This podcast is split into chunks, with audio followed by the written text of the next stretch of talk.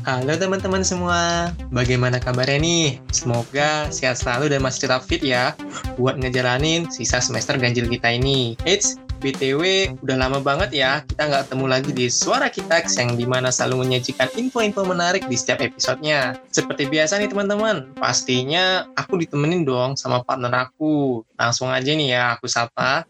Halo Fikri, gimana kabarnya nih? Halo Andrian, kabar baik nih. Semenjak sibuk UTS, rasanya udah lama banget ya suara Kitex gak bikin episode terbaru. Iya nih Fik, sama ditambah dengan tugas-tugas yang bikin kita jadi sibuk juga nih. Tapi walau udah lama banget, pastinya episode kali ini gak bakal kalah menarik dong ya. Wah, apa nih kira-kira Fik? Aku jadi penasaran loh. Pokoknya pada episode kali ini kita kedatangan salah satu orang penting di kampus kita nih kak. Bisa dibilang pentolan kampus pada masanya kak. Wow, boleh dikasih tahu nggak nih Fix? Siapa kira-kira? Aku jadi makin penasaran loh. Pokoknya Kak Andrian pasti kenal deh. Daripada penasaran, mending kita langsung sambut aja nih. Halo Kak Wibi. Halo Rian dan Ri, kabarnya nih? Alhamdulillah kita baik-baik aja nih Kak. Kak Wibi, gimana kabarnya nih Kak? Alhamdulillah luar biasa masih menikmati tahun pertama di dunia kerja. Alhamdulillah kak. Ngomong-ngomong, boleh nih kak. Alhamdulillah. Untuk memperkenalkan dirinya supaya para pendengar makin tahu hmm. nih sama pembicara kita kali ini. Oke, okay, uh, saya Wibisono Mahendra, biasa dipanggil Wibi. Dulu sempat kuliah di PKN Alhamdulillah udah lulus juga dari D3 Pajak 2016, lulus 2019. Alhamdulillah wisudanya offline. Aku mendoakan semoga tahun depan kalian yang bisa wisuda, wisudanya offline juga gitu. Jadi bisa ikut merasakan kebahagiaan bersama dengan teman-teman dan keluarga juga. Ya sekarang saya kerja di KPP Pertama Cikupa di Direktorat Jenderal Pajak Kanwil DCP Banten. Oke Kak Wibi, wah ini Vic, Kak Wibi ini udah lama banget nih. Waktu Kak Wibi tahun 2018 itu aku baru masuk tuh Vic dan Kak Wibi udah tingkat tiga, aku baru tingkat satu. Nah, jadi istilahnya waktu Kak Wibi wisuda, aku jadi panitianya. Makanya tahun 2019 itu kan masih offline tuh. Hmm. Iya nih, seru banget. Walaupun ya. Kak Wibi udah lama banget wisudanya, pas aku masuk Kak Wibi keluar, tapi auranya Kak Wibi masih kerasa loh sampai angkatan keluar. Aura-aura gimana nih? Aura-aura pentolan kampus dong pastinya nih Kak. Oke, aku langsung aja nih ya Kak, mau nanya-nanya juga nih. Hmm. Nah, Kak Wibi ini kan dari aktivitasnya itu aktif banget nih Kak, sampai Instagramnya pun rame banget tuh. Hmm. Dan lagi aku kepo-kepo juga Kak Wibi sekarang aktif nih di dunia kerja dan ada aktivitas lain tuh yang di mana Kak Wibi prakarsai sendiri. Mm-hmm. Nah, balik lagi dari permasalahan tersebut, sebenarnya apa sih yang mendasari kenapa Kak Wibi mau banget untuk ikut segala bentuk kegiatan atau urusan, baik di akademik maupun secara kepanitiaan itu Kak? Oke, okay, uh, eh, gini Rian dan Fikri dan teman-teman semua. Jadi hal yang mendasari dari keikutan keikutsertaan saya di beberapa kepanitiaan, beberapa kegiatan itu adalah dalam rangka menggali ikigai. Kalian pernah dengar nggak? Apa itu kak kira-kira? Nah, ikigai itu adalah irisan dari what you love, what you are good at, what you can be paid for, and what the world needs. Jadi ada empat ya. Jadi irisan antara dari passion, ya, kemudian mission, profession, and vocation. Jadi simpelnya seperti ini. Kalau apa yang kita suka itu adalah passion, ya.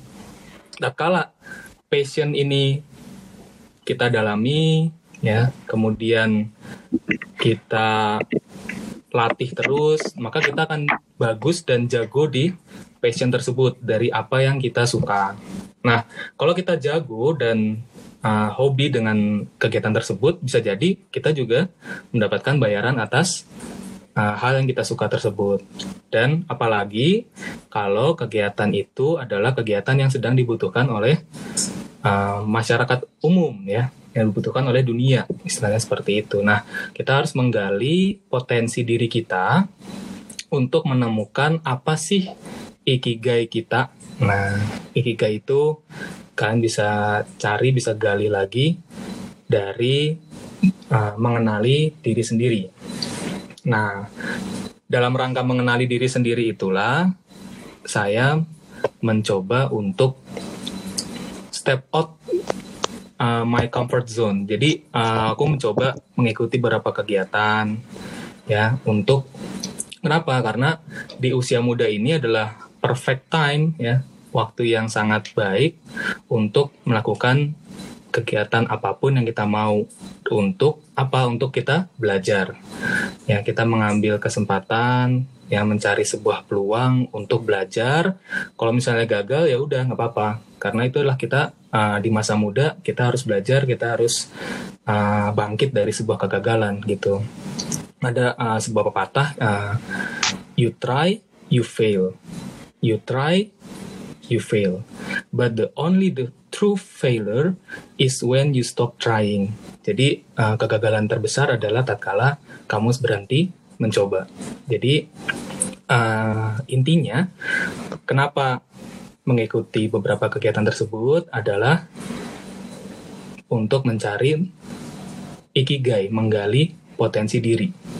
Dan poin kedua itu adalah membangun networking ya jadi di masa muda ini ada sebaiknya kita mencari hubungan yang baik ya, hubungan pertemanan, hubungan rekan kerja ya, baik di dalam kampus maupun di luar kampus kita perlu uh, menggali uh, hubungan pertemanan yang baik gitu. Karena suatu saat bisa saja nanti networking inilah yang akan membantu kita di saat kita sedang ada masalah misalnya seperti itu. Jadi ada baiknya kita juga membangun networking yang baik apalagi di dunia kerja itu sangat penting sekali gitu dan yang terakhir jadi setelah pertama tadi terkait ikigai yang kedua networking yang ketiga adalah kita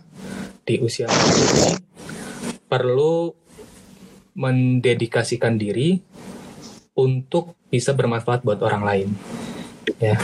Karena sebaik-baiknya manusia adalah bermanfaat buat orang lain. Jadi tiga poin itulah yang mendasari kenapa ikut beberapa kegiatan baik itu akademik maupun non akademik seperti itu. Oke kak, sebelum ngobrol lebih jauh nih, boleh nggak kak diceritain apa aja sih hmm. organisasi dan kepanitiaan yang pernah Kak Wibi ikutin di kampus? Oke, jadi dari tiga poin tadi ya kenapa mendasari saya mengikuti beberapa kegiatan.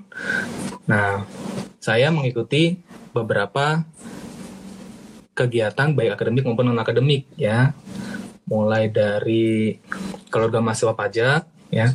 Dimulai di 2017 itu menjadi staff di pemuda dan olahraga. Kemudian di 2018 diamanahi menjadi ketua keluarga mahasiswa pajak. Kemudian untuk menggali passion, saya juga aktif di beberapa UKM. Ya.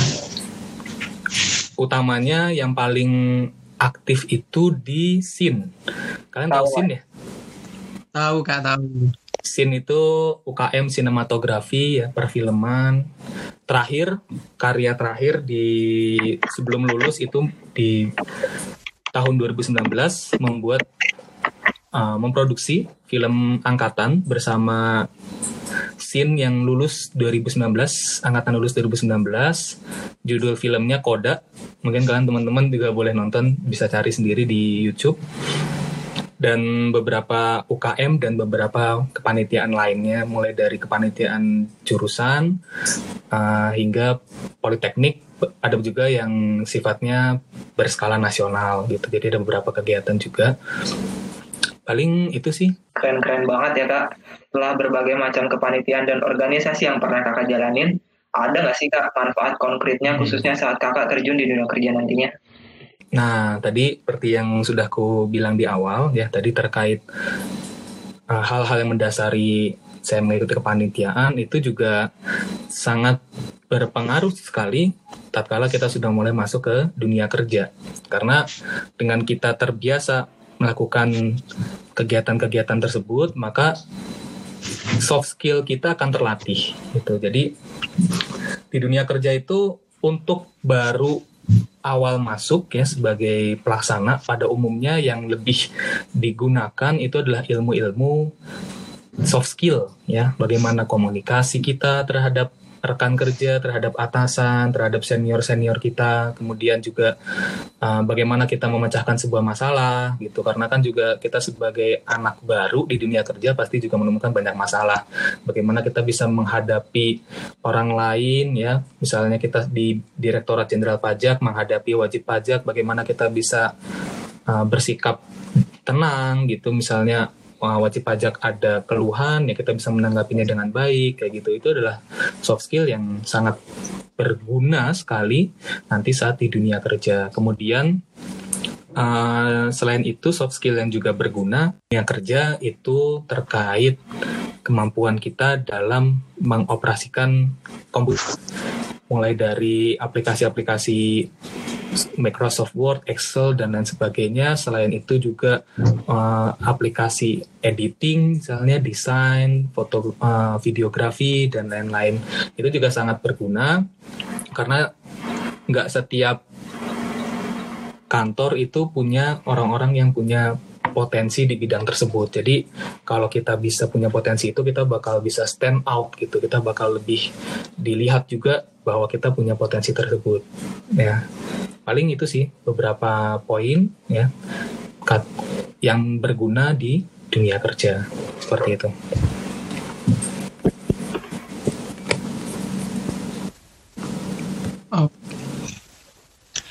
Oke, ternyata manfaatnya banyak banget ya, Fik. Oh iya, aku dapat inspirasi baru nih perihal tiga alasan yang mendasari kenapa Kak Wibi itu mau aktif dan juga ikut serta di hmm. kepanitiaan. Aku jelasin lagi nih, Fik. Yang pertama ada Ikigai yang aku baca itu hubungannya erat banget nih sama jati diri sendiri. Yang kedua adalah networking atau kita mencari jaringan komunikasi dan juga hubungan yang baik. Dan yang ketiga adalah tentunya manfaat yang di mana itu persis banget yang dibilang sama Kak Wibi. Dan juga dari pengalaman-pengalaman Kak Wibi ini, ternyata Kak Wibi nggak cuma, jadi pelaksana aja loh. Bahkan Kak Wibi ini juga jadi pemimpin kita nih pada masanya, yaitu pemimpin keluarga masyarakat pajak. Apalagi pas itu aku baru masuk tuh, Fik, dan Kak Wibi udah tingkat tiga aja hmm. tuh, gitu. Iya, bener Kak. Tapi kalau dengar cerita pemimpin-pemimpin hebat tuh, kadang kita pasti ngelihatnya sukanya aja gitu, Kak. Padahal tantangan dan beban yang dipegang sama seorang pemimpin itu berat banget. Nah, kalau Kak Wibi sendiri, ada nggak sih dukanya itu saat jadi seorang pimpinan, Kak? Oh iya, terkait sebagai ketua keluarga mahasiswa pajak, pasti ada suka dan dukanya ya.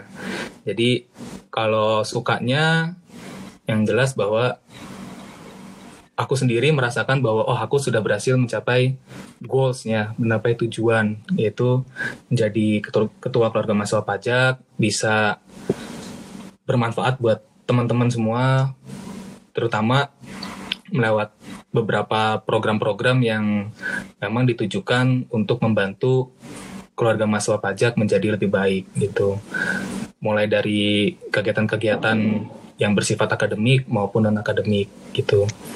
Dan salah satu inovasi saat itu yang berhasil dibawakan adalah Limitex.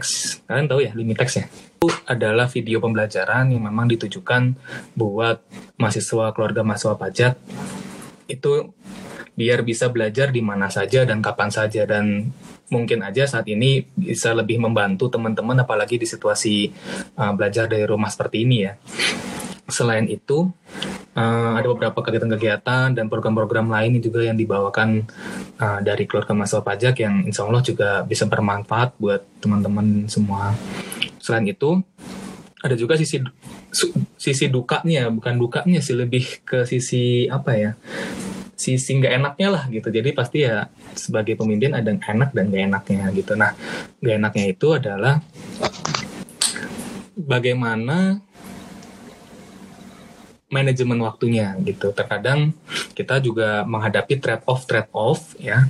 Tatkala menjadi ketua keluarga mahasiswa pajak pasti ada beberapa kegiatan yang perlu diikuti, ada beberapa rapat yang perlu dilaksanakan seperti itu dan beberapa kegiatan lainnya itu bentrok dengan mungkin kita juga punya kegiatan di kampus ya.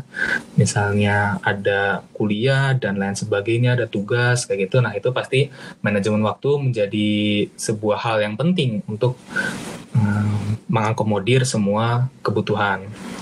Nah, solusinya dalam manajemen waktu itu adalah membagi waktu kita menjadi empat kuadran.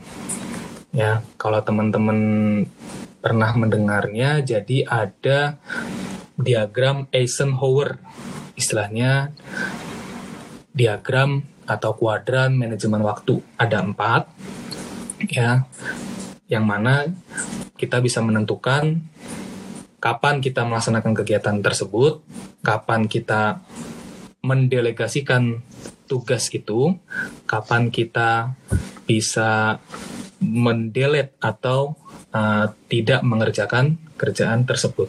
Nah, mungkin teman-teman nanti bisa menggali lagi terkait empat kuadran tersebut. Nah, selain perihal manajemen waktu, juga sebagai pemimpin pastinya kita ada tuntutan dari stakeholders kita ya dari mahasiswa ya dari pihak kampus pasti juga meminta uh, diadakan program ini atau ada yang memberikan saran terkait uh, kegiatan atau kebijakan yang perlu dilakukan. Nah itu bagaimana seorang pemimpin bisa mengakomodir semua permintaan, semua saran dan masukan tersebut agar kita bisa menjalankan kegiatan-kegiatan kita dengan baik gitu. Karena kan susah juga nih kita mengakomodir kebutuhan dari dua sisi misalnya gitu ya sisi dari uh, mahasiswa sendiri sisi dari kampus sendiri memintanya seperti apa nah itu kita mencoba mencari jalan tengahnya gitu jadi agar semuanya bisa uh, nyaman sebagai anggota dari keluarga mahasiswa pajak. Paling itu aja, uh, Fikri dan Ria. Aduh, agak berat juga ya kak ternyata di samping tanggung jawab organisasi yang kita jaga, tapi tetap harus fokus pada masalah akademik yang notabene menjadi tanggung jawab kita sebagai mahasiswa. Iya, bener banget nih, Fik. Apalagi tanggung jawab itu adalah tantangan terbesar bagi seorang pemimpin yang di mana pasti banyak tuntutan nih yang datang untuk diwujudkan yeah. gitu ya Kak Bibi ya. soal pemimpin nih, aku jadi ingat quotes dari John Maxwell. Beliau pernah berkata, seorang pemimpin adalah dia yang mengetahui, memutuskan dan menunjukkan jalan keluar dari masalah yang ada. Berdasarkan kalimat itu, aku punya pertanyaan nih Kak. Pernah nggak sih Kak Wibi sampai mau nyerah karena nggak bisa nyelesain suatu masalah gitu Kak?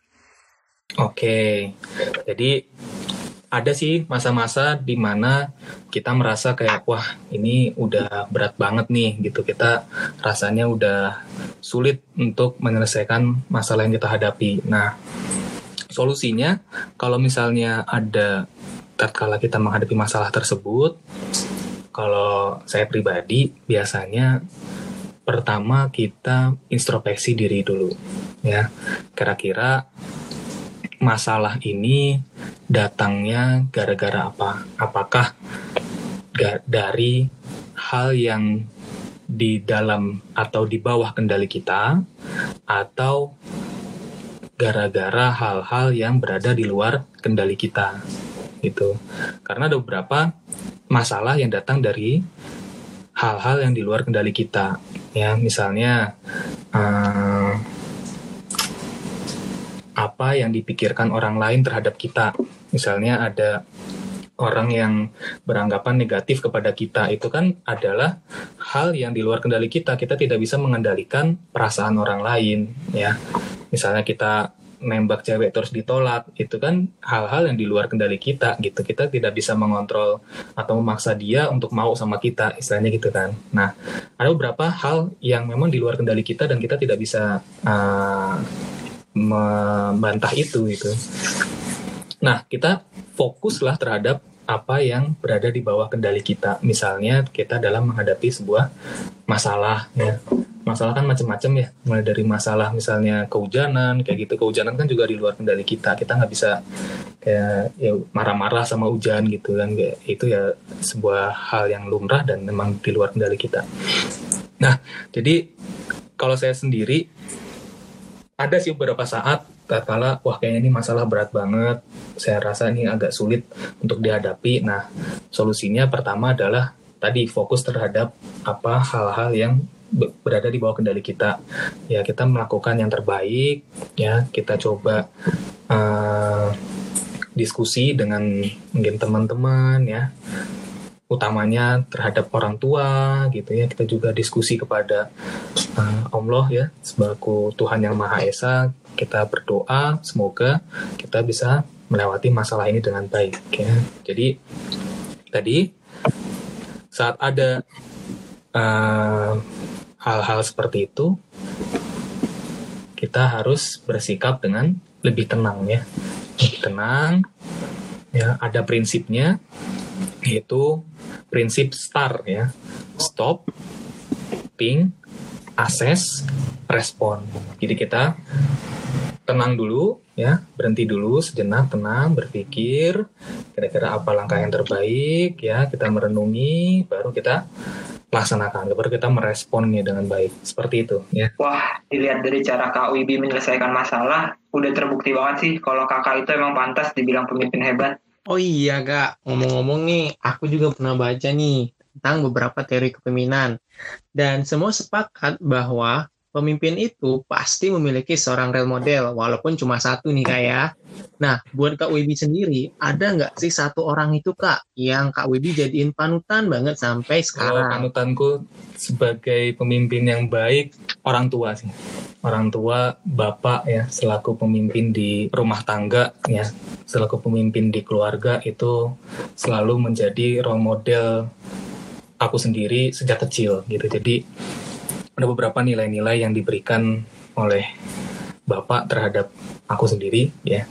Itu mulai dari nilai-nilai bagaimana kita menyelesaikan sebuah masalah, bagaimana kita bisa uh, berpikir positif. Jadi uh, kalau Bapak tuh selalu nekenin kayak uh, masa sih gitu aja nggak bisa gitu. Kalau orang lain bisa kenapa kita enggak gitu. Jadi kayak menanamkan bahwa ayo kita bisa pasti bisa kok gitu. Kalau kita mau berusaha kita pasti bisa kayak gitu. Dan uh, Bapak juga menekankan bahwa kalau kita misalnya gagal ya udah gitu. Kayak kadang aku kayak misalnya sedih mengikuti sebuah kompetisi dan misalnya gagal kayak gitu. Dan bapak selalu ngingetin bahwa ya udah mungkin emang bukan rezekinya mungkin rezekinya ada di tempat yang lain atau di waktu yang lain. Kita ya udah gitu. Kalau misalnya yang penting kita udah melaksanakan usaha yang terbaik. Jadi bagaimana seorang pemimpin yang baik adalah bisa um, membangkitkan semangat dari anggotanya, semangat dari uh, anggotanya tersebut untuk bangkit dari kegagalan untuk meng mengachieve goal dan tujuan yang sudah disepakati bersama. Jadi itu sih nilai banyak nilai-nilai yang diberikan sampai sejauh ini ya yang menginspirasi saya untuk bisa terus berkembang terus bergerak lebih baik lagi. Oke kak, iya sih benar banget nih. Orang tua itu pasti jadi role model terbaik kita karena kan selain jadi orang yang paling dekat dengan kita, tentu adalah orang yang paling pertama dan paling terakhir yang selalu mendukung kita nih buat kita selalu bangkit, buat kita selalu semangat. Pokoknya buat kita selalu apa pun itu yang penting goals kita tercapai yeah, yeah, yeah. ya kan ya kak ya. Gak kerasa nih kak, aja. udah cukup panjang kita ngobrol hari ini. Sebelum mengakhiri podcast kali ini, boleh banget kalau kakak ada pesan-pesan kepada mahasiswa pajak PKN STAN, serta karena sebentar lagi kebetulan ada pemilihan raya nih kak besok, kalian kali pesan buat calon pemimpin hmm. keluarga mahasiswa pajak agar mereka dapat menjalankan tugas pokok dan fungsi nantinya dengan baik kak. Oke, Berarti terakhir ya, mungkin pesan-pesan buat teman-teman semua, baik yang mau mencalonkan diri sebagai calon ketua keluarga masa pajak berikutnya, maupun juga buat teman-teman yang sedang berjuang menyelesaikan studinya di Politeknik Keuangan Negara STAN. Mulailah dari melihat diri kita itu sekarang berada di mana, posisinya berada di mana, ya Kira-kira bayangkan diri kita dalam satu tahun, dua tahun, lima tahun ke, ke depan mau jadi apa? Ya, map out your goal. Ya, what you want to achieve. Jadi apa aja sih yang mau kamu capai dalam jangka pendek, menengah, dan jangka panjang. Nah, ini perlu kita tentukan. Kenapa? Karena dengan kita punya tujuan yang pasti, maka gerakan-gerakan kita, apa yang kita lakukan juga bakal menjadi terarah. gitu. Nah, dalam rangka kita mencapai tujuan itu, kita juga harus berani keluar dari zona nyaman. Kita harus berani mengambil risiko, ya, mengambil peluang untuk belajar gitu. Karena pastilah dalam pembelajaran nggak semuanya langsung jago, nggak semuanya langsung bagus gitu. Kalau kalian mau gam, mau menjadi seorang desainer, desainer desain pertama kalian nggak langsung bagus dan kayak pelukis-pelukis yang ternama atau kayak kalian langsung jadi desainer ternama gitu nggak nggak juga gitu. Pasti berawal dari um, misalnya desain yang jelek mungkin diketawain teman gitu kan. Atau kalian bikin video ya mungkin banyak yang komer oh kok videonya gini sih? Kayak gimana gitu? Kayak jelek atau gimana? Ya wajar kalau misalnya ada orang yang bilang kayak gitu.